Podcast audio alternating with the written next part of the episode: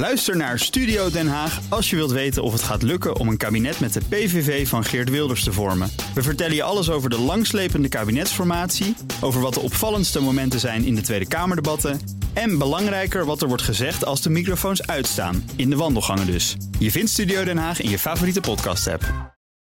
Landgoed de Zwaluweberg. Als je die naam hoort, wat is het eerste waar je aan denkt? Een hospice, een camping of een parenclub? In werkelijkheid is Landgoed de Zwaluweberg het kantoor van de inspecteur-generaal der krijgsmacht in Hilversum. Daar vonden deze week de formatieonderhandelingen plaats. De setting moest ontspannen zijn. De belangen zijn enorm. Er was totale radiostilte. De details van werd besproken, die zullen we zelf moeten invullen. In de hot tub bestelt Caroline een nieuwe caipirinha. Proost Geert, dat hebben we toch maar lekker geflikt. Geert neemt een slokje van zijn bier en kijkt stil voor zich uit. Waar moet ik in godsnaam een staatssecretaris vandaan halen? Een informateur lukt hem al niet eens. Bij de poeltafel wrijft Omtzigt nerveus met het krijtje over het pomerantje van zijn keu. Dylan, let nou toch eens op. Op deze manier krijgen we nooit garanties over de grondwet. Dylan legt aan. Drie ballen verdwijnen sierlijk in de gaten.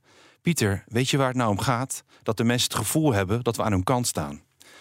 Na een ontspannen Turkse stoombad nemen Mona Keizer en Sophie Hermans een koude douche. Sophie, zegt Mona ernstig. Caroline laten vallen is voor mij niet onbespreekbaar. Bij het haardvuur zijn Fleur Agema van de PVV en Eddy van Heijem van NSC begonnen aan een potje zeeslag. Eddy, die grondwet is natuurlijk best wel ja, belangrijk en zo. Maar willen jullie dan dat ons land wordt overspoeld door migranten? Eddy van Heijem knikt beleefd en hij kijkt naar het bordspel. Wat er daadwerkelijk is gebeurd op de Zwaluweberg, dat horen we als de formatie is gelukt of geklapt. En misschien wel helemaal nooit. Voorlopig moeten we het doen met zwijgende politici die in een auto stappen. En dan is dit verhaal toch een stuk leuker. Ook Thomas van Zeil vind je in de BNR-app. Je kunt live naar mij luisteren in Zaken doen. De BNR-app met breaking news, het laatste zakelijke nieuws en je vindt er alle BNR-podcasts. Bijvoorbeeld Het Nieuwe Geld. Download nu de gratis BNR-app en blijf scherp.